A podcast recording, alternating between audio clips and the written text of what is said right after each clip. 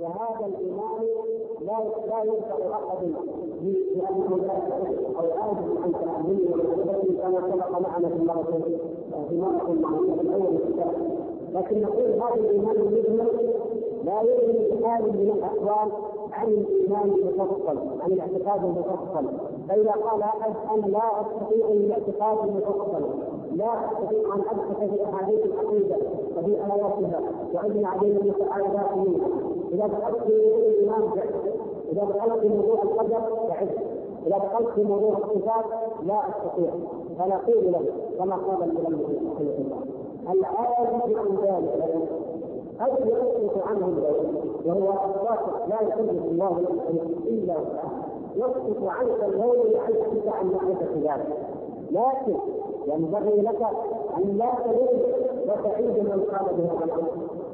فإن عجزك أنت لا يؤذن لك ولا يقول أن تتهم أو تحارب أو تعافي أو تلوم من قام بهذا الأمر. ممن أخبره الله تبارك وتعالى عليه. لم ينبغي لك أن تؤيده وأن تناصره وأن تتعلم عن سبيله ما استطعت وأن تفرح بقيام غيرك به وأن تفرح لأن هذا من باب الدفاع عن هذا الدين. بل من باب معرفته أولا ثم الدفاع عنه القليل ومن ذلك معرفة الفرق كثير من الناس لا يريد أن يتعلم الفرق ويكره أن يعرف عنها شيء.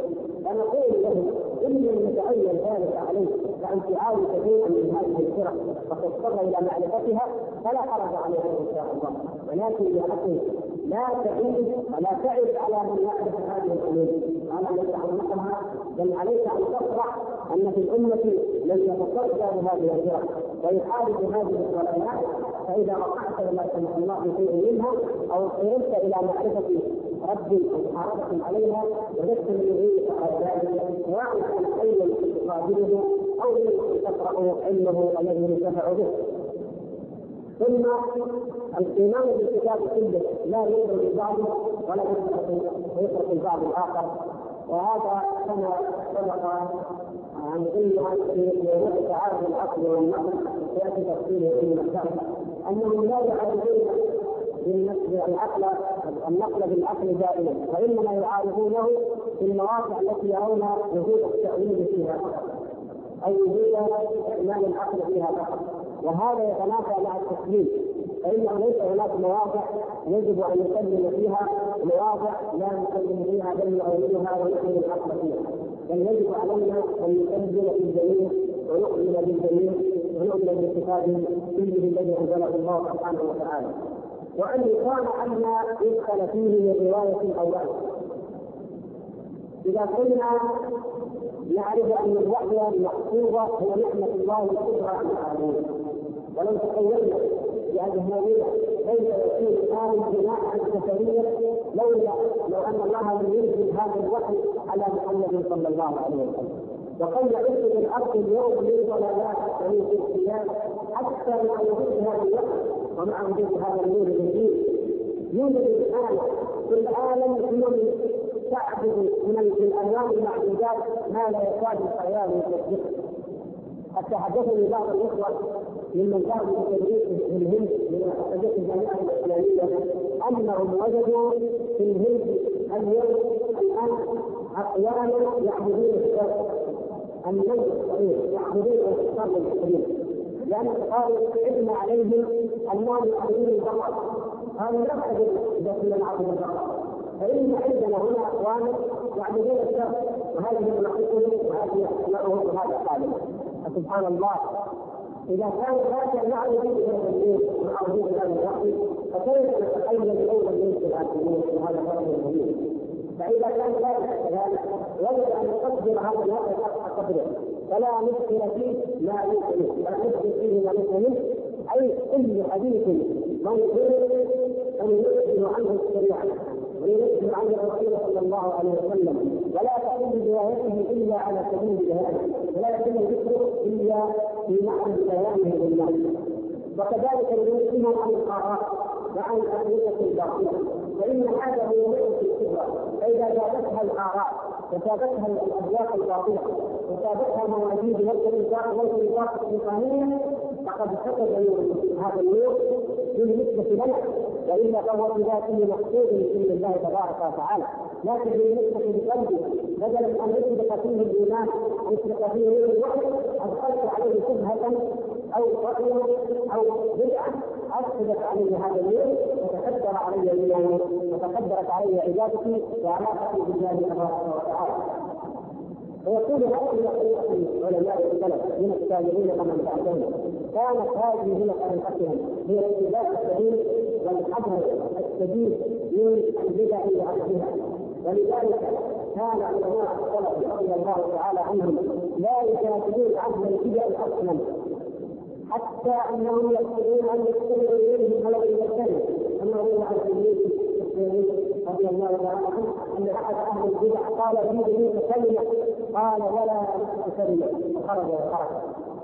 وبعض وبعض علماء السلف بلغه عن أحد أحد المبتدعه فأقسم بالله انه لا يأويه وان يأوي شخص واحد إلا إلا شخص لا يصلح لاي مسلم له ذلك الثلاثه وهم أعلم الناس.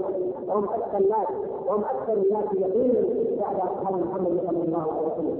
لكن لا يمكن أن يسمع أي كلام من أهل الآراء من أهل الأهواء من أهل البدع من أهل الضلالات فعندهم جميع الدين يمكن بحاجه إلى كما قيل إن الحسن البصري رحمه الله تعالى قال الله عنه هذه في كتاب الشريعه جاء رجل فقال له تعالى واحدثني بناظره بناظره يريد ان يناظره فقال الحسن رضي الله تعالى عنه اما أنا فقد عرفت ديني واما أنا فان كنت اضللت دينك أذهب كيف اي لا يناظره ولا يجادله ولا يتكافئ معه وجاء الإمام مالك رضي الله تعالى عنه وهو قائد من كتاب المسجد فقبض بيده وقال تعالى اناظرك بمساله اليمين الدين. قال له ذلك أرأيت إن غلبتني قال اتبعني اتبعني هكذا الجدل وأجزاء من اليمين يتبع مثل معه مع ذلك. قال فإن اتبعتك فجاءنا رجل ثاني فغلبني واياه أتى بالقلم وبرجل فغلبني وإياك عن ولم يستطع أن يرد عليه. قال نتبع قال سبحان الله إن دين الله واحد انزله على محمد صلى الله عليه وسلم وأمرنا باتباعه وحده. وقد قال عمر بن عبد العزيز رضي الله تعالى عنه من جعل دينه عرضة للخصومات أكثر التنقل. من جعل دينه عرضة للخصومات أكثر التنقل. اليوم يدخل الرجل يقرأ بعض الرجل إذا دخل من دائرة بعد الجهل واحد من أهل نفس الوجود تدعو الاتحاد غلب من الجزء من عقله وكذلك نفس نفسه فعلى أي دين يستقر؟ لا. دين الله واحد ومن جعل دينه عرضة للخصومات أكثر التنقل كما قال امير المؤمنين الخليفة الراشد عمر بن عبد العزيز رضي الله تعالى عنه. ثم ينتقل المؤلف بعد ذلك إلى الحديث عن علم الكلام ولذلك لا نريد أن نقول في هذا الموضوع بل نتلقاه وسوف يأتي من يقول يصير اليها إن شاء الله تبارك وتعالى.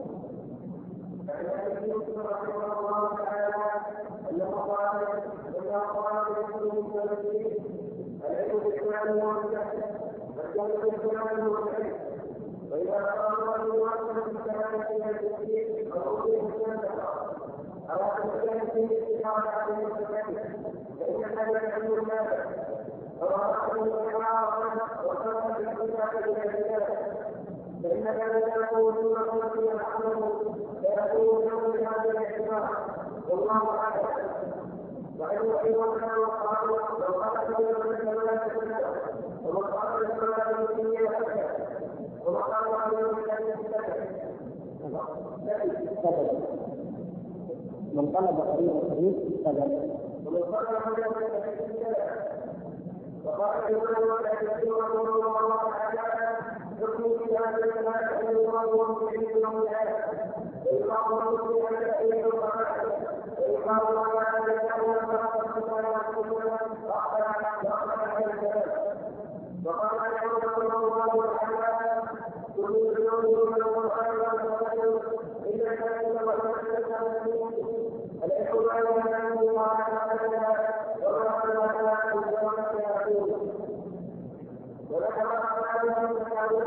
انه اوصى بالملائكه لا يكون المسلمون واوصى بالملائكه ولو اوصى ولو اوصى بالملائكه ان يكون مسلم وامر بالعلم فاحسن والمبالغه من الانسان ذكر ذلك باستعماله من الله فإن الله رسول الله يقول بغير الله ولا يعلم الرسول أيها المسلمين اتقوا عليها كل شيء وحكم إليه الرسول فاقتلوا القرآن والإمام إلى أرضها ليس رسول إلى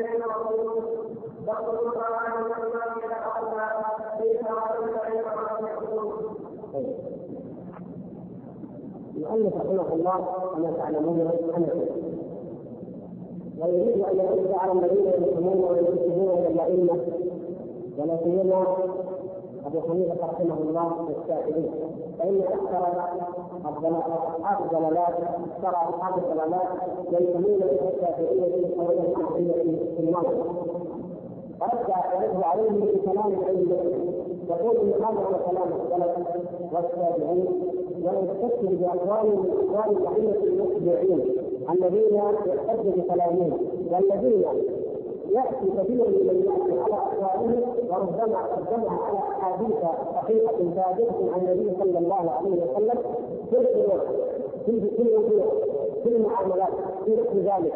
فإذا جاء إلى علم أصول الدين الذي هو أجل واشهر رمى ما قاله الإمام وما ثبت عن السلف واتبع كلام أصحاب علماء الكلام ولذلك ظهرت الازدواجيه في الامه الاسلاميه ثلاثة خلافيه ليست ازدواجيه ثنائيه بل هي خلافيه في عقد الاشعري وفقه مالكي وفي طريقة الجنيد كما يقول أحد الأئمة المؤثرين في منزلة له عظيمة ثلاثة أمور يتبعها عقد الأشعري وهي العقيدة الأشعرية وفقه مالكي وهو من في الفقه وطريقة الجنيد يعني الجنيد في التصوف فهو مالكي صوفي وصل الأمر بسنه إلى هذا. فيا سبحان الله إن كنتم صادقين أنكم تتبعون مالكا والتابعين وابا حنيفه فهذا كلام في اصول الدين وهو أجل وأعظم منه في الفروع كيف تنظرون إلى كليا وهذا من هذه الاستفاده هل يكون أحد من ائمه النقد كأهل أهل الرجال والجرح والتعديل ينهي بنجد افضل من مالك في العبادة وأكثر من اتباعا للسنه حتى تقول اخذ عن مالك الفقه فقط واخذ التعبد منه التعبد عن اليمين واخذ العقيدة عن الاشعريه وكان يقول الآخر الدين دين ابي حنيفه الفقه فقه ابي حنيفه وحده والدين دين القرآن بالاكرام فكان حقانيا العقيده ولكنه حنفيا في الفروع هذه السياسيه أو السياسيه في التفكير وفي المنهج هي التي نزلت العلم وخلقتها وثبتها وإلا فإن الائمه الاربعه رضوان الله تعالى عليهم أجمعين وسائر الائمه المسلمين هم في اصول الدين. إلا ما استثمر ذكر من خلاف الاجزاء غير المؤثر مثل مذهب الإمام ابي حنيفة رحمه الله تعالى في المال كما يذكر لكن هذه لا تؤثر هذه البدع لا البدع. الاعمال قال الإمام الله يكون تفسير ذلك إن شاء الله. لكن الشاهد أن الأئمة الأربعة هم في الدين كلهم ولله الحمد على مذهب واحد هو مذهب السلف هو مذهب الطريقة الناجية هو أمر السنة والجماعه الذين هم أصحاب النبي صلى الله عليه وسلم ومن سار على منهجهم ولكن وجد إليهم قوم أقوام خرجوا عن ضمائرهم هذا الكثير فاتبعوه وبقوا مستفيدين اليهم والمؤلف رحمه الله ياتي بأقوال هؤلاء وياتي بقول الإمام المشهور المعروف لكم جميعا الإمام ابي حنيفه رحمه الله تعالى اجمعين وهو الذي قال هذا باسم هذا باسم من رياض الذي كان أو كان ابوه يزيد ودخل في دين الإسلام ليفسده على أهله. كما قالت أمه. أمه قالت ذلك كما اورد ذلك الإمام الدائمي رحمه الله تعالى في رده على حكم عند فهذا رجل اشتهر في الضلاله وكان تلميذا لابي فقال له أبو هذه العبارة العلم بالكلام هو الجهل والجهل بالكلام هو العلم. ولما اقر ما ذكر الذهبي رحمه الله في رساله علم النبلاء قال له أبو يوسف يا ذكر اما أن تتوب أو تكتب علينا كتبا. إيش معنى تكتب علينا كتبا؟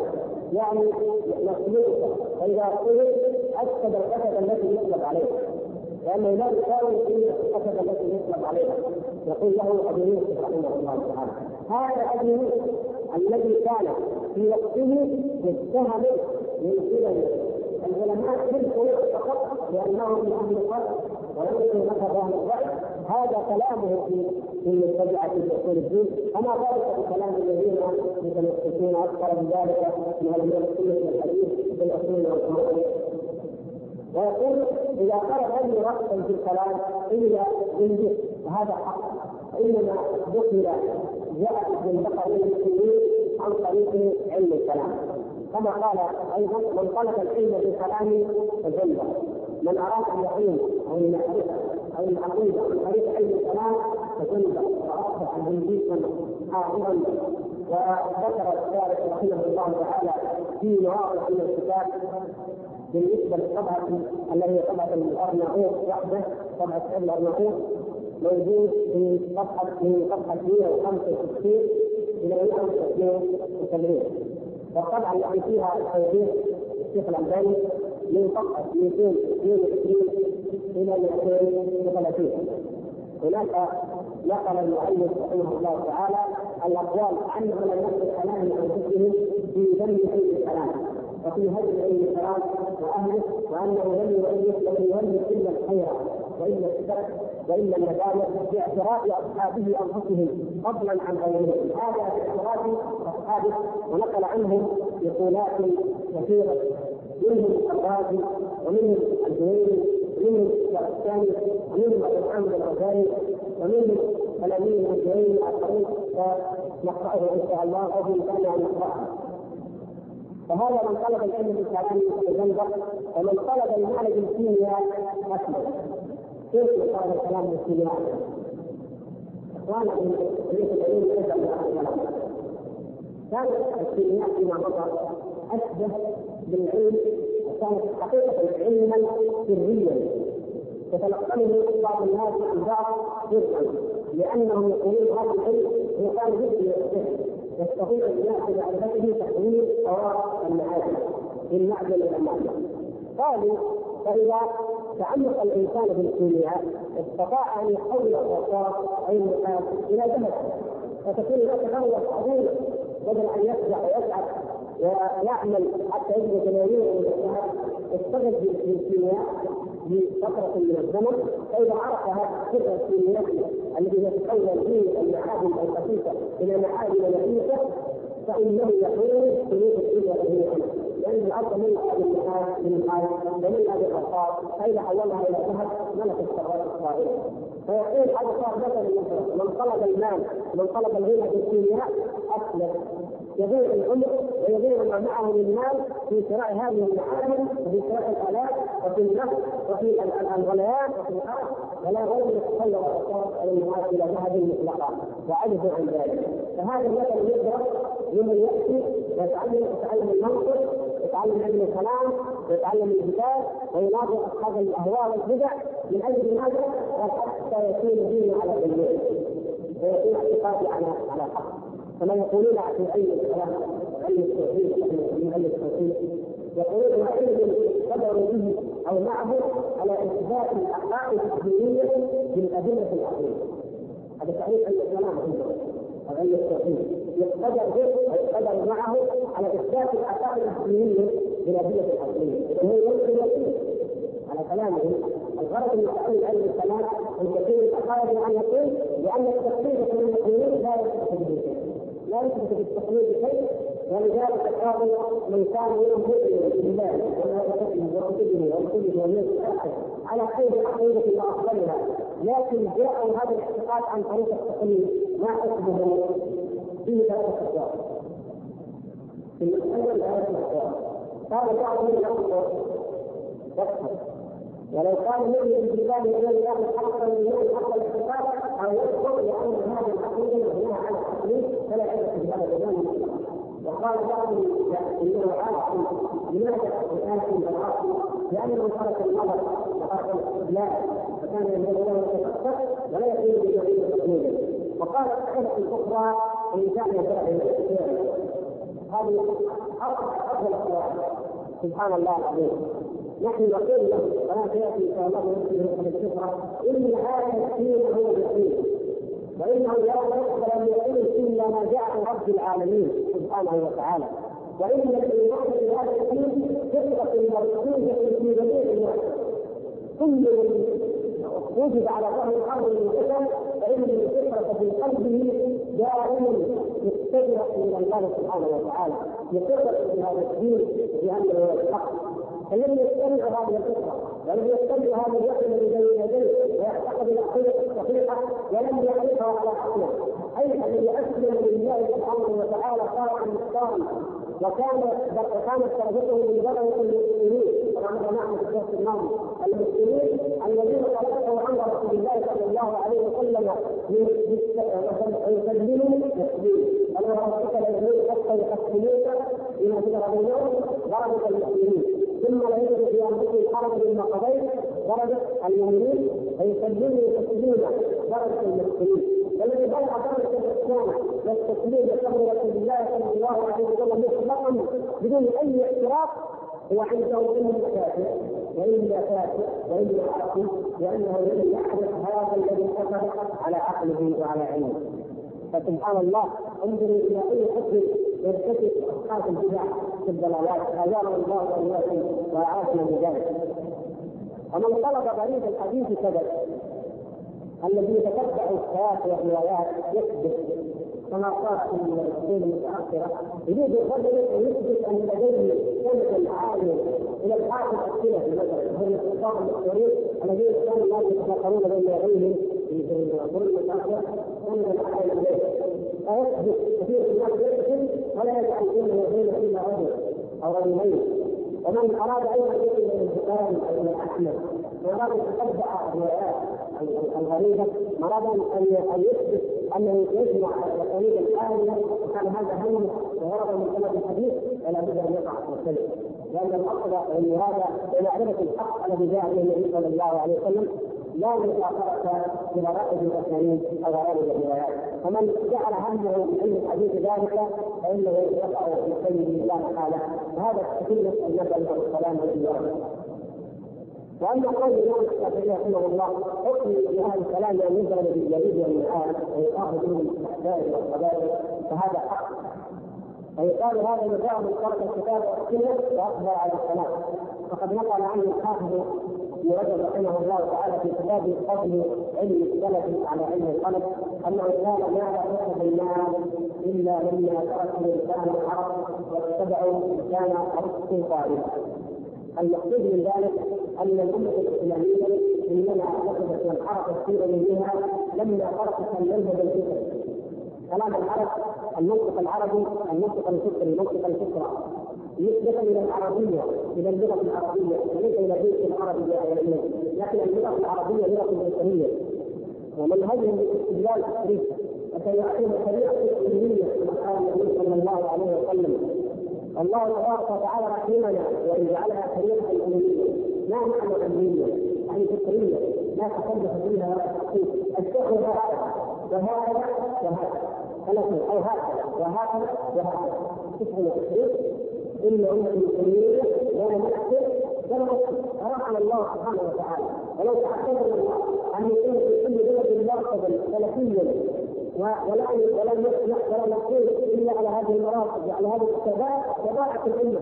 مرت عقود لا يوجد التعلم لديه العلم الفلسطينيين والفلسطينيين يختلفون والمواضع تختلف والمطالع تختلف والعقول طبيعتها في كل علم تختلف أراعنا الله تبارك وتعالى من هذه التكلفات فإن العقول إما 30 وإما 19 الشهر أو هكذا ولذلك ينزل هذا يوم المستقبل كما تعلمون جميعا.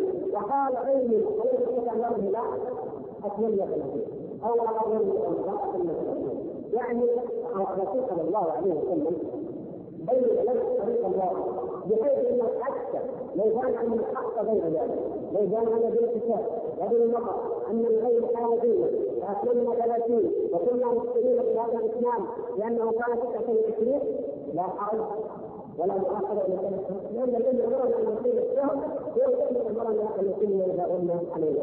الشاهد من هذا فهي هذه القضايا هي أقصد من هذا أنها طريقة علمية سهلة سمحة فطرية يسمى الله تعالى بها علينا. فيمكن نعقد ويستطيعن هؤلاء يعقدون وأساليبها خلق الإنسان اقتصاديا أي طريقة وهذه العبارة العجيبة للشافعي رحمه الله تدل على أن الإمام الشافعي قد حضر علما من الذي جاء به والذي هو سبب هذا العلم الذي يسمى علم الكلام. وأنا أحب أن اعطيكم فكره عن هذا العلم بقدر ما يسمح المقام حتى تكون على علمكم ان شاء الله وحتى لا يقال اننا لاننا نفهم المنطق نجهل هذا العلم فلناتي اعداؤنا وجهله لا نحن لسنا جهل بالمنطق وليس علماء السلف جهل بالمنطق لا الشافعي ولا أحمد ولا أبي يوسف ولا الذين بينهم المنطق كانوا يعرفونه ولكنهم لما عرفوا حقيقة الموقف استهزئوا كل وهم وهم مقتنعون تمام الاقتناع أنه لا حاجة لأي عاقل به. فهو كما قال شيخ الإسلام ابن تيميه المنطق لا يحتاج اليه التكليف ذكي لا يحتاج اليه ولا يستفيد منه الدليل الجميل يوم تتحول من المنطق لا يكون به عقل ويفهم والذكي لا يحتاج إليه لأنه يحصل من غير المتعلم فبالذات الانكار قال الشافعي هذا القول وقال علماء السلف هذا القول. وليس كما يذكر المؤلف هنا عندما يقول السلف لم يكره التخلي بالجوهر والجسم والعرق لأنه اختلاف عجيب كما يقولون أو لانهم كانوا عاجزين عن فهمه.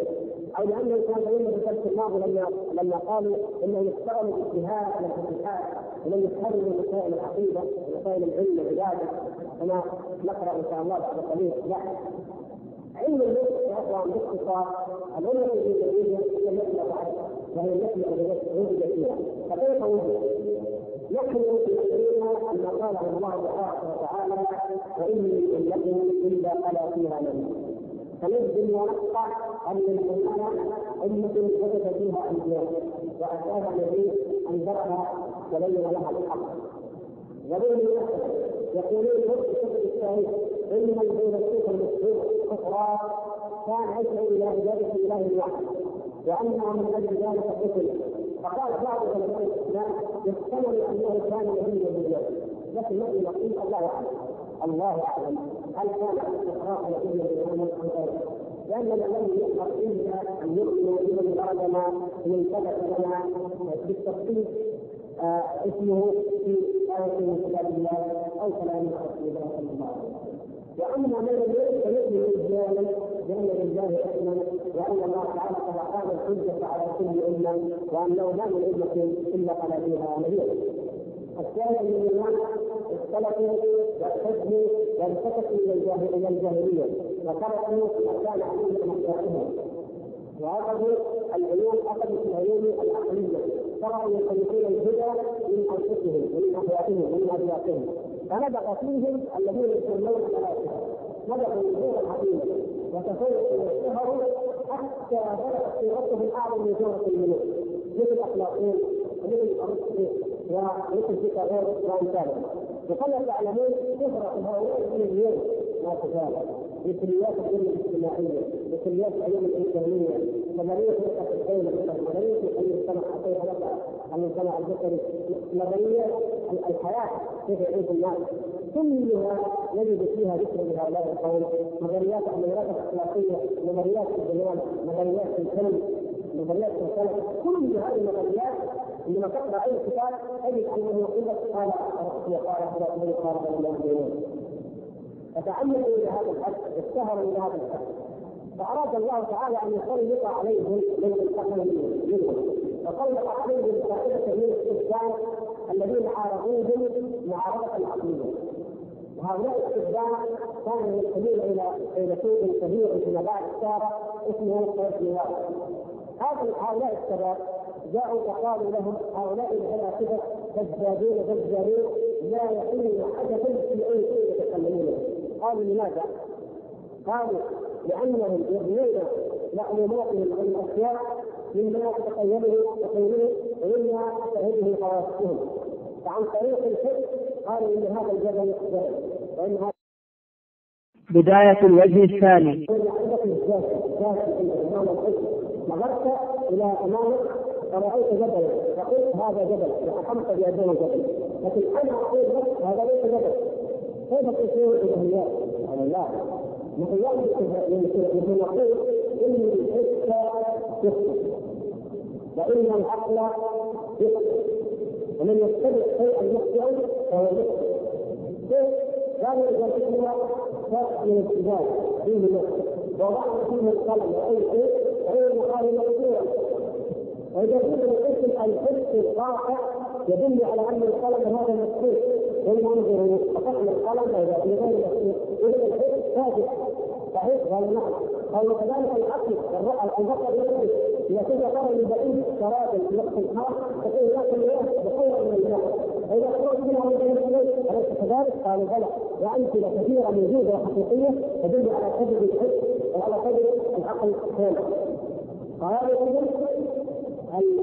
المصدر المعرفه لديه إذا الحلول الحلول سواء الاستفتاء أو المسير صادق أو لا سواء قال إن الخالق لا وجود لها قد يكون هذا قول وقد يكون قول يقول بعضهم إنه لا ينكر حقائق الأشياء. لكن يقول انها احتماليه لكن لا ينكر أنا ما أقدر اجزم بان الان ثانية كيف اجزم فكيف ياخذ الفلاسفه ويجزمون مثل ارسطو وافلاطون فأخطاء الفلاسفه يقول هو يقول واشتد الامر وصارت المعارك الجبليه الطويله وتفتقت عبقرية أرسطو عن العلم الذي كما قال علم يأكل الذهن عن الوقوع وهو علم المنطق الميزان المعيار معيار الذي تعرف به حقائق الاشياء قال ارسطو هؤلاء من لديهم أنا اجد العلم المعياري الذي يستطيع ان يحكم وان يلزم به الذين ينكرون حقائق الأشياء قالوا كيف؟ قال ان المنطق فكر فكر تفكير قليل في الاشياء بقوانين فقال نحن نقول ان التصورات لا تنام الا بالحدود معنى التصورات لا تنام بالحدود هذا العلم الاخوان هو علم المنطق علم المنطق بالضبط يعني عشان يعرف كتاب في المنطق عن يصير تلقى منه عن هذه العباره ان التصور لا ينام الا بالحد كل التوحيد كذلك بكلام طويل لا يستفيد منه الذكي لا لا يحتاج اليه الذكي ولا يستفيد منه القلب فكيف تصور العلم شيء؟ ليس بالعلم حتى ارسطو يقضي على قضية مثل السنة مثل كلمه عن طريق النظر والحس والنظر. نحن نؤمن عن طريق الحد العقلي تصورنا باي شيء؟ ليس لأننا لكن لأننا نحب بمحدد عقليا قال مثلا الانسان ما حد من الحقيقة كافين يضع حد الانسان يزيد دائما الحد يبدا بالكلام الآن اهم شيء اهم شيء يسمونه الجن عام. فنقول مثلا الانسان حيوان كيف حيوان؟ كلمة حيوان تشمل جميع انواع الاحياء ونبدا بالعلوم حتى نصل إلى الجزئيات كلمة حيوان تشمل النبات والشجر والحيوان الجميع والانسان كل شيء يحدده دليل الفرق. بعد البيت حسب الجهل أو الخاصه فنقول ناطق أو كما اذا الحيوان الذكر فيها اجناس كثيرة. حدد أنه الانسان فأنا كما يقول ارسطو أنا تحمل للانسان ومعرفتي له. ليست ليس يرى امام البشر. هذه نحن تقبل الشك لكن لا أنا انه لأنه الحيوان لا فحقيقة الإنسان هي الحيوانية والناطقيه اذا فأنا اثبت هذه الحقيقة وعليك أيضا من أو الصفات ان تأتي بحقيقة أو رد العقلي على هذه الحقيقة العقليه اذا هذا القضية مثلا الماء الماء يقول لك أي سوائل كثيره هذه يقول لك شفاف إذا نحدد يعني نحدد وهذا العلم علم التعريف وعلم الحدود هو أفضل ما يعني هذا العلم على النفوس وأفضل ما في يعني باب التصور في النفس قد يستفيد منه نفسه عندما نعرف المبتدا ونعرف الخبر يستخدم ولو الفكرة بعض هذه المصطلحات. لكن باب التكبير اللي هو القسم الثاني والنفس هذا الذي كله تأديب وكله باطل فيقول مثلا مثلا مثلا في هذا الموضوع إذا كانت الشمس طالعة ان هذا موجود يقول الكبرى تقدر تحصل شيء إذا كان الشمس ان هذا موجود لا يقول لك مثال اوضح من كذا من جاء مثال ثاني وجاء التسائل في الأيام في الافلام التي في المسائل التي مجال الشمس ولذلك يعني يقول بعض العلماء لما تدرس في هذا يقول والله كيف لو كتب علي علمي ولم يكتب وأنا انقص هذه الاخلاق اذا كان الصوت صالح فالله مجنون مجنون اذا كان هذه من لكن حصل هذا هو العلم علم العلم كل شيء فجاء طائفه تريد أن توافيه بجهد ما قدر من الحقائق حتى حتى يوصلوا إلى القدر قدر وين الإنسان الانسان وين القدر كذا وهذا هو العلم الذي يقولون إنه علم لا يحكم يخبرنا عن الوقوع في الخطأ. أو تحكم وقعات يخبرنا عن الوقوع في الخطأ. الشاهد انه من خلال هذا العلم عن طريقه يوجد علم الكلام ويوجد علم الكتاب تتلخص هذا الجهاز قالوا الحيوانية والناطقية الحيوانية والناطقية التي إذا أخذوها بين الإنسان حيوان ناطق موجودة ولا غير موجودة؟ ليس يقبل الاخصائيين قالوا هذا موجود ولا غير موجود؟ حتى قال لا موجود شيء موجود. قال يوجد حقيقة كلية. مثالية. في عالم المثال ليس بمثل الأخلاقين في عالم المثال عندنا عالمين عالم المثال وعالم الواقع كل شيء في عالم الواقع هذه احاد عالم الواقع احاد كل شيء في عالم الواقع له نظير الكلي في عالم المثال عشان يرجع إلى يغفر الكتب قالوا اذا كذا العملية كل شيء الانسان احاد الانسان موجودين على نحن احد الانسان موجودين على المثال هو الحيوانيه والمنطقيه هذا أمر وجودي كل الخارج وجودي يعني ليست نظرية ذهنية. ليس هذا التحريف ذهنيا لا. يوجد وجود حقيقيا خارجيا حيوانيا حقيقيا في الملأ الاعلى فوق في علم إلى برا هذا مثال أعلى واحاد هي الموجوده هذا كل شيء. فأنا عندما أقول هذا الإنسان أنا أتكلم عن الجزء جزء الحقيقة الكلية. الموجودة في عالم المثال وهذا الموجود في الأرض هو عالم طيب. ما هي صفات الحقيقة الكلية الموجوده في عالم المثال؟ قالوا ليس لها أي صفه لماذا ليس لها اي صفه؟ قالوا لانها لو وقفت تتعين. يعني حكمها أصبحت في عالم الواقع فتصير احاد يصير لها مثال. فلما ارادوا يطبقوا ذلك على صفات الله سبحانه وتعالى قالوا إن الله تعالى وجود كلي مطلق مطلق ليس له أي صفة من الصفات. ولو نقصناه لتعين وأصبح في عالم الواقع واحتجنا أن يكون له مثال في عالم المثال اذا فلا نثبت لله أي صفة. يعني المحكوم يثبت كده هذا كلام كل لسه نحن الآن نتكلم عن علمه قبل أن يبعث النبي صلى الله عليه وسلم وقبل أن يبعث النبي هذه نحن نقف هذه الاله الصفات السلبيه يقول ليس بمثله ولا زيد ولا عربي ولا مركب ولا ولا ولا ولا ولا في هذه الآلات فقط. بل يستطيع بأمر وجود أمر ثبوتي لاصبح كما قلنا العالم المثال العالم الواقع. فنحن نقول فقط بالسلوك الصفات السلبيه فقط. هذه النظريات التي اكتبها علماء اليونان ومصر علم المنهج وصلت إلى علماء المسلمين وترجموها واستحدث ذلك في عصر المامون عندما انشا دار الحكمه وتدخل هذه الأمور وبناء عليها انتقل الإمام أحمد وانتقلت الأمة في القول بخلق القرآن وفي غيره من الكلامات وجاءتنا قضيه ان الايمان هو المعرفه السجيه والمعرفه القلبيه المجرده وجعل الانسان القدر وجاءتنا الاحداث الكثيره في دينه نتيجه لنقلنا هذا العلم الشافع الضعف الذي لم ينفع هذه الأمة التي وجد ويقول علماء الكلام علماء المسلمين الدين القانون إذا لم يرجع وهذا تجدون كثيرا في علم الكلام. ولذلك يحتاج يفهم هذه القضية ويشرح عليه. يقولون طيب كيف تريد أن يجاز هؤلاء الناس؟ إلا إذا عرفنا منطقهم. وعرفنا كيف نرد عليه. ونرد عليه من واقع علم واقع علم المنطق الذي جاء به. فنقول له الكتاب والسنة فيقولون لنا الكتاب والسنة ما فيها رد على المسلمين القائد لكن يقول صادقين ليس الكتاب والسنة دليل على رساله الحقائق لماذا؟ لأن إنكار الحقائق سجود في فطرة الإنسان.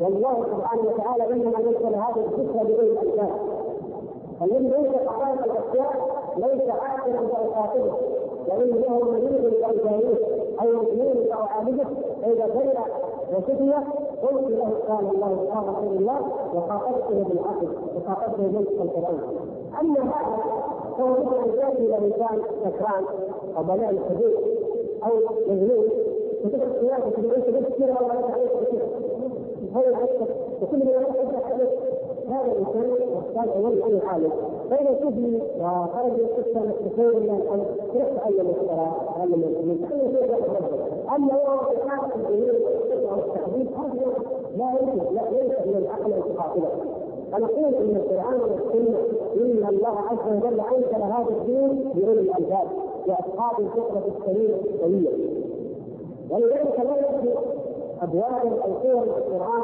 أو احاديث طويله عن النبي صلى الله عليه وسلم في الحج على من أنكر وجود الله كما يفعل الناس الجماهير من الان يذكرون إلى ذلك مثلا لماذا؟ لأن الانكار وجود الله تعالى حدود في التفكير حدود في العقل نحن كثر القائلين فيه هو الشذوذ يا الشذوذ لا يكفي ولا يخرجه عن قوله شذوذا أن القائلين به كثره كيف؟ من حيث العقل ومن حيث النص ولذلك من جاء الكتاب وجاء فيه اعتقاد الاخلاق وكل احد بالدين يؤمن بالله سبحانه وتعالى يؤمن به الانسان فطرته تنطق بذلك لكن من يعبد كيف يعبده على أي منهج من سنة عبادته هذه هي المشكلة وهذا هو الأساس الذي يفتقد إليه.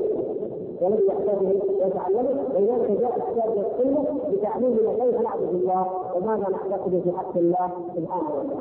فنقول ان إن هؤلاء الناس لم يأتي رد يؤثر عليهم من أجل هذا. لكن هؤلاء القوم إن كان منطق أرسطو نفع وسعى في عهد اليمين وهو لم ينطق لكن لو انه لو انه نفع انك لا تملك مصدرا للمعرفه ولا مصدرا للمسيح لما كان ذلك جائزا أن يأتي به الامه في كل سنين والمصدر الواضحه للمعرفه واليقين عن ذلك. سبحانه وتعالى ولو كان فيه نفس في هذا البيت نفس لما كان إلا فيما لا نقص فيه. أما أن يأتي فيقسمه في الأصول الدين والحدود بالوقت كله أو بالوقت الآخر فهذا هو غايه الكلام. وأما أنه قد يدفع المرضى تماما في رسول لأن كما قلنا وكما نقرر دائما أن أهل السنة والجماعة هو منهج العدل والفقه ونقول إن هذه الحلول أي كلام وما اتبع فيه قواعد المنطق قد تنفع ولكن تنفع المرضى يعني بالله نفع مطلقا لكن تنفع المرضى فتنفع بعض الناس. بعض الناس لا يريد تلك المقدمات كما يسمونها في الجبل الكلام الواضح في براهين الواضحه لا تقرير ولا ترويج لا ترويج لأن القسم مثلا انظر إلى هذه الروايه هذه الأرض كيف خلقها الله عز وجل هذا دليل مره واضح جدا. يعني عظيم جدا. ما يدخل انه لا موجود لكن ذكر قال مثلا فيه يجيب كلام مثل ثلاث جرى في طريق هذه سبعه ولذلك دليل على وجود الله. قال امنت الله طيب أنا لما جبت لك الخير كله لا امن هذا قال واحد لا ناس كذا الموت فيه هي من الكلام دقيق جدا. أو أو مقدمات قليله متعمقه متكلفه هنا فنقول هذه مقصودها كما يقول رجل قلنا له الشرك يجوز خليته بالشرك في النهار قال لا يقول أنا لك دليل بعد وضعها تشهد الحراره قال نعم كلمه شعورك بالحراره ويجب على وجود الشمس جزاك الله خير خلقت الشمس يجوز يمكن من أي الذين يقتنعون هم بمقدمات خفيه متكلفه مع ان الأمر المستدل عليه بدني واضح. وحق يوجد هذا النوع. ولذلك علم الكلام قد يشبه هؤلاء. يعني واحد يقول بين من الفلاسفه الذين لا يكتبون إلى إلى كل فيتعمق في علم الكلام ويقول ويقول لعلماء الكلام يعني الحمد لله تحول من إلى الاقبال وان كذا. أحسن كذا طيب يعني فتهون ما جاء. فهل هل هذا الاتجاه البسيط اللي حصل ليرفع عنده هذا الولد الخطير اللي الولد أقل هل هذا يعني أن نجعل هذا العلم مهوارا للأمة جميعا ونحدث علماء الأمة جميعا ونحدث الأمة جميعا ونلهمها جميعا حتى تعتنق وتعتقد وتؤمن بما فيه؟ وإلا فهي مقلده يقولون هؤلاء يا جماعة أسوية أسر فقط كلام حدثنا حدثنا حدثنا قال فلان ما عندهم علم ما في عقليات ما في علوم رياضية ما في رياضة للذهن ما يدل على حرز وعلى بينات وهكذا هذا هذا يختلف. ان هذه الحقائق الفكرية البديهيه المعلومه لدينا بالضروره إلا الحمد والتي لا نحتاج فيها إلى مثال مجاهد ولا علم عالم. يريدنا أن نتركها وأن نبدأ معهم من مقدمات حتى نعرف كما يقول شيخ الاسلام ابن تيميه ضرب مثل بسيط وهو خاطئ من قرى المنطق يعرف فقه هذا المثال يقول لو ان قتلت الانسان قاتل كلمه قاتل أو مثلا محمد أو تقول لك هذا قاتل انت قرأها خمسة لكن اذا قالت لا ف ف ف لا ها بعدين يقول قاتل تقول هذا هذا الامي يقدر يكذب هذه العلوم الحقيقة لمن تاملها والتي عندنا كثيرة تدل على هذا الشيء يعني لو قلت هذا الخير مخلوق خلاص كلمه واحدة يقول لك لا لا ما يقدم لكن لو قلت له الكون متغير هذه مقدمه إيه؟ يكون المتغير حادث هذا المتغير المقدمة الثانية. إذا الكون حادث وحادث غير مخلوق كما كان هذه المقدمات وهذا جدل عقلي لا يستطيع ان وهكذا. لكن ولذلك يقول المؤلف كما كتاب إن شاء الله أن النبي صلى الله عليه وسلم اوتي بهذه الكلمة فيقول في الكلمة العظيمه الجامعة بعيدا عن التكلف وعن التعقيد الذي جاء به. لكن يعرض على قول الإمام الشافعي رحمه الله من يقول إليه كل العلوم من القرآن خلق من الحديث فان الفقه في الدين العلم ما كان فيه قال حدثنا مسؤولات واخلاق الشياطين. لماذا قال الشافعي رحمه الله على هل قال حتى يتعلم علم القافيه وعلم الرحميات أو اي علم لا. هو يقصد هذه العلوم. يقصد ما كان متعلق بمعرفة الله وبالدين. والعلم النافع في آخرتنا يقول ليس الا عن طريق الاتباع؟ مثل ان جماعة تذكرون إن شاء الله أن الامام أحمد رحمه الله قال قال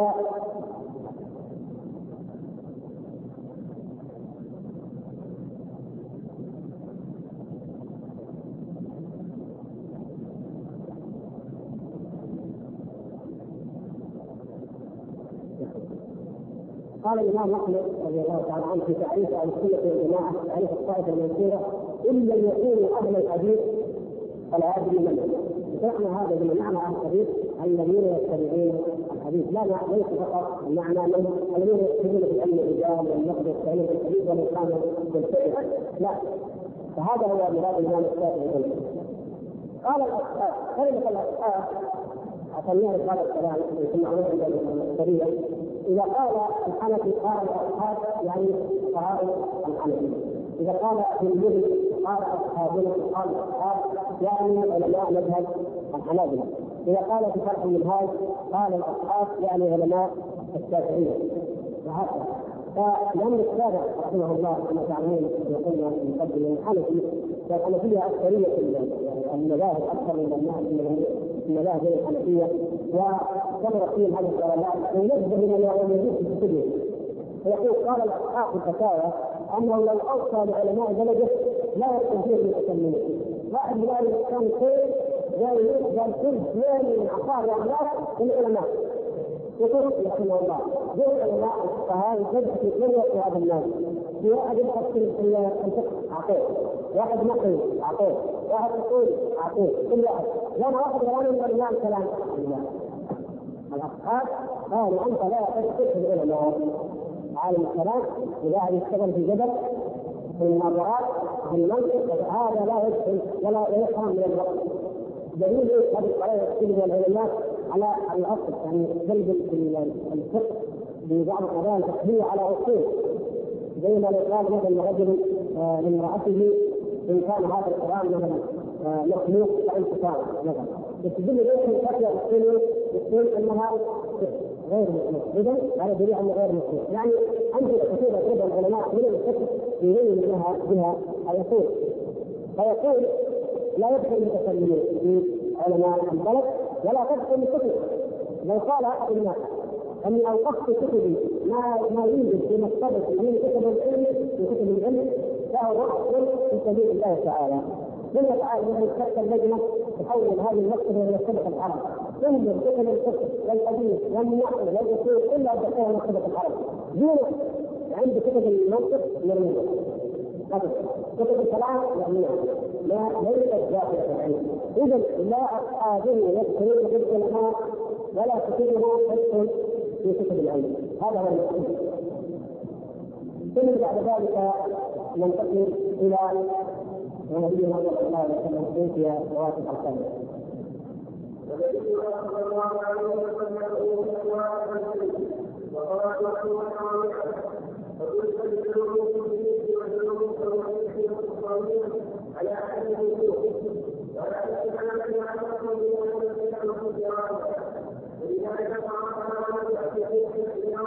ولذلك كثيرا من الحركه نعم بخلاف كلام المسلمين فانه امير كثير لا يعلمون ولا يكلمون المسلمين انما يتفقهوا عنه وانما يتفقهون احكام وراءه ولا يعلمون من لم يكفرون من المسلمين كالكفر انه لا يتفقهوا الكفار والكفر وفقهاء من احكامه اشتغالا بالمسلمين ويتحققون النار بذلك وكل هؤلاء يصدقون ان الحكم وقاعده ويحكمون وقيل يستمرون كما يقرؤون وكما لو كان انهم يحكمون الا تتكلمون من استقامه الاخبار التي كانت تنزل الله على وقال على أولاد حدثنا عليها ويقولون بأمارة إلى مقام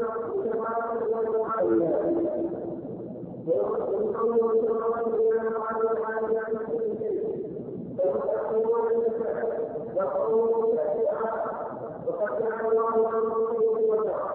رحم الله من كلام عظيم قصه المعجزات حتى نعرف قدر قدر علمائنا وقدر أصحاب النبي صلى الله عليه وسلم والتابعين والسابقين الاولين العلم الذين كان كلامهم درر ومن أولهم سيدنا محمد صلى الله عليه وسلم. عبد الله ورسوله الذي بعث بهذه الشريعه الدينيه العظيمه وانشئ جوامع الكلم وقواطع الكلم وقواعده وجوامعه كما في الحديث الصحيح يفيد جوامع الكلم أو يغطي بجوامع الكلم فكلام النبي صلى الله عليه وسلم بالذكر ولنقل بكلام هؤلاء المنافقة والفلاسفه الذين يتكلمون بالكلام الصحيح المعقد من أي قضيه بديهيه بينما رسول الله صلى الله عليه وسلم. بعثه الله سبحانه وتعالى بهذه الكلمة يقول الكلمة الواحدة الجملة الواحدة فتكون منهاجا وتحصولا من يوم القيامة بآلاف من احاد القضايا والوقائع العينيه والامثله على ذلك كثيره من حديث النبي صلى الله عليه وسلم. مثلا يقول النبي صلى الله عليه وسلم كل بدعه ضلاله وما قلت هذه العباره ويدخل في ذلك كل من يمكن ان يثبت في الدين ما هن لم يقل حكم في عقله صلى الله عليه وسلم ولم يقل كفر حكم في وكل بدعه ايا كان ضلاله عبارة واحدة التي تشمل الاف من الوقائع مثل ذلك في الفقه قوله صلى الله عليه وسلم لا ضرر ولا ضرار. هذه العبارة البسيطه الملعب المكان لعبها فإن تحتاجها عندما تحكم بين اثنين أو تسمح بأي قضية أو تعمل أي أمر يريد أن تتدخل فيه أو تحكم بأي مسألة بأي بأي قضية تحتاج هذه القاعدة لا ضرر ولا ضرار وهكذا ومثل ذلك في في التعبد يعني قلنا مثلا في العقيده في بدعه الضلال في الفقه لا ضرر ولا ضرار في التعبد وفي اعمال القلوب يقول النبي صلى الله عليه وسلم الدين النصيحه سبحان الله كل شيء فقط الدين النصيحه فعلى هذه الكلمة تدخل كل ما أمر الله به ورسوله صلى الله عليه وسلم. تذكرها كما قال لهم يا الله قال لله ولكتابه ولرسوله وللمسلمين وعامته. الدين النصيحة فقط. وهكذا امثله كثيرة من حديث النبي صلى الله عليه وسلم تدل على أنه بعث وأختاره الله سبحانه وتعالى وبعث بجوامع الكلم عبارات قليلة كلمات ألفاظ محدودة محدودة لكنها جامعة بمعاني عظيمة. ويجتمع أهل الأرض جميعا وأعمل لهم على أن يأتوا مثل هذا الإنجاز ومثل هذه الدقة ومثل هذه الأمور وصواب المعنى واقتراب القاعدة بجميع القاعد لعجزوا عن ذلك عجزا بالعلم وما ذلك بعجزهم عن كتاب الله سبحانه وتعالى فهو أعظم ما يحتج ثم السلف الصالح كانوا كذلك وكما سبق ان تحدثنا في عندما مر معنا مساله الفرق ونسبه الفرق الخوارج يوجد في عهد السلف الصالح المرجع يوجد في عهد السلف الصالح في اخر عصر التابعين القدريه أيضا يوجد في ذلك فكيف رد الشيعه كيف رد عليهم علماء السلف سبحان الله الردود الموجوده كلمات كلمات ولكنها مسلمه غايه الاسقاط ولكن المتأخرين وراء بعض القواعد قد يؤمن ذلك تقراها ولا تخرج منها شيء. لكن تجد ان ماذا من عباس القواعد سبحان الله. سمع غرض يعني يفتح مناظرة مقصودة لكنه لم يحدث منها تأثيرا فارغة ولا وارد من عقائدهم حتى أن الآلاف منهم رجعوا مع ابن عباس إلى ابن عباس رضي الله عنه عن حق هذا في هذه الكلمات. هذا اخوان حتى نعرف قبل علماء السلف. قبل الصحابة رضي الله تعالى عليهم اقتبسوا من رسول الله صلى الله عليه وسلم جوامع القول وتربوا على هذا الأمور فكان خير كلماتهم من الجوامع بالنسبة إلى من جاء الاحكام فكان كلامهم قليل العبارات كثير البركة كثير الخير عندما ناظر القدريه القدرية عندما تكلم في أي قصة أي معنى من المعاني يعبر عنه السلف فإنهم يأتون بعباره واحدة عباره موجزه عبارتين وتغني عما وراءها وتكفي وتكفي من اراد الاتباع بإذن الله سبحانه وتعالى. وأما المتاخرين فتعمقوا وتنصروا لما جاء هذا الرجل الذي جاء إلى ربيع أو جاء إلى الامام مالك وقال له الاستواء أي انظر للعباره هذه العبارة إلى الآن نحن نستخدمها بحيث عمل في جميع مباحث الصفات وعندما نتحدث عن الله عز وجل من قولنا وتكلمنا في الحيوانات وخطبنا لولا اننا كتب؟ لا يخرج كلامنا عن هذه العبارات وانتصار الامام مالك الاستواء المأمون. والخير مجهول والإيمان به واجب والسؤال عنه بدعة. سبحان الله. سبحان الله. اعطاكم الله عز وجل. لانهم كانوا يتلون كتاب الله حق ويؤمنون بحديث النبي صلى الله عليه وسلم الايمان فجر الله سبحانه وتعالى في قلوبهم من مفاتيح الخير والتقوى والعلم النافع. وأعطاهم دراسة المؤمن وأعطاهم فقه النظر وكلام النظر فيكون في هذه العبارات الجامعة الدقيقه فمهما قلنا الصفات فنحن لا نتكلم بأي صفة إلا على ضوء هذه الآيات الأربعة. اما معانيها واضحه جليه لكل أحد يعلمها من كلام العرب. أو أو تعلم تفسيرها وأن الايمان بها واجب لانها من عند الله سبحانه وتعالى وان كيفيتها مسيره لاننا نظهر من الله سبحانه وتعالى وذاته وما جهلنا ذاته وجهل صفاته وأن السؤال عنها بدعه فكل الطوائف التي خالفت فيها طوائف بدعيه طوائف نماذج كثيره في الدلالة على ما ذكره الشارع رحمه الله تعالى من فضل السلف وما اوتوه من العلم. النافع ولذلك عندما يقول ويقول كل يؤمن بالله ورسوله ان علينا ان نتبع اثارهم وان نقتدي خطاهم وان نتمسك باجيالهم وننظر ما قاتل فيه نقول فيه الشيء بلا قول وما سكتوا عنه نسكت عنه وما قال فيه ما اجاب فيه بجواب فان من يجيب عنه مثل ما اجاب حينئذ نقول يجب نعرف ان هذا وهذا هو الهدى كما تعلمون في طريق البخاري رحمه الله تعالى لما دخل عن موضوع كتاب الإيمان ورد على المسيح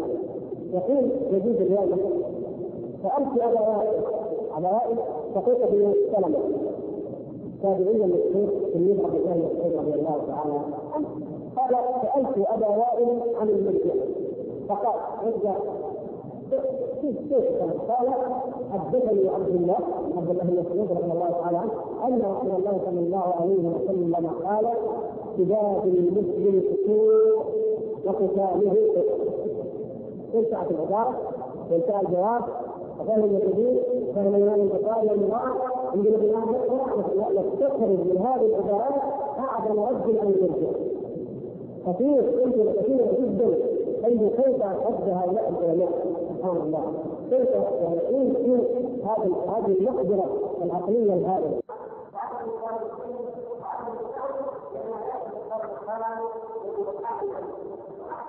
لأنهم درسوا تاريخه وعرفوا كلام الإيمان وعرفوا مثال الحلول وكلام النجوم والهنديين والبريطانيين وهؤلاء الناس.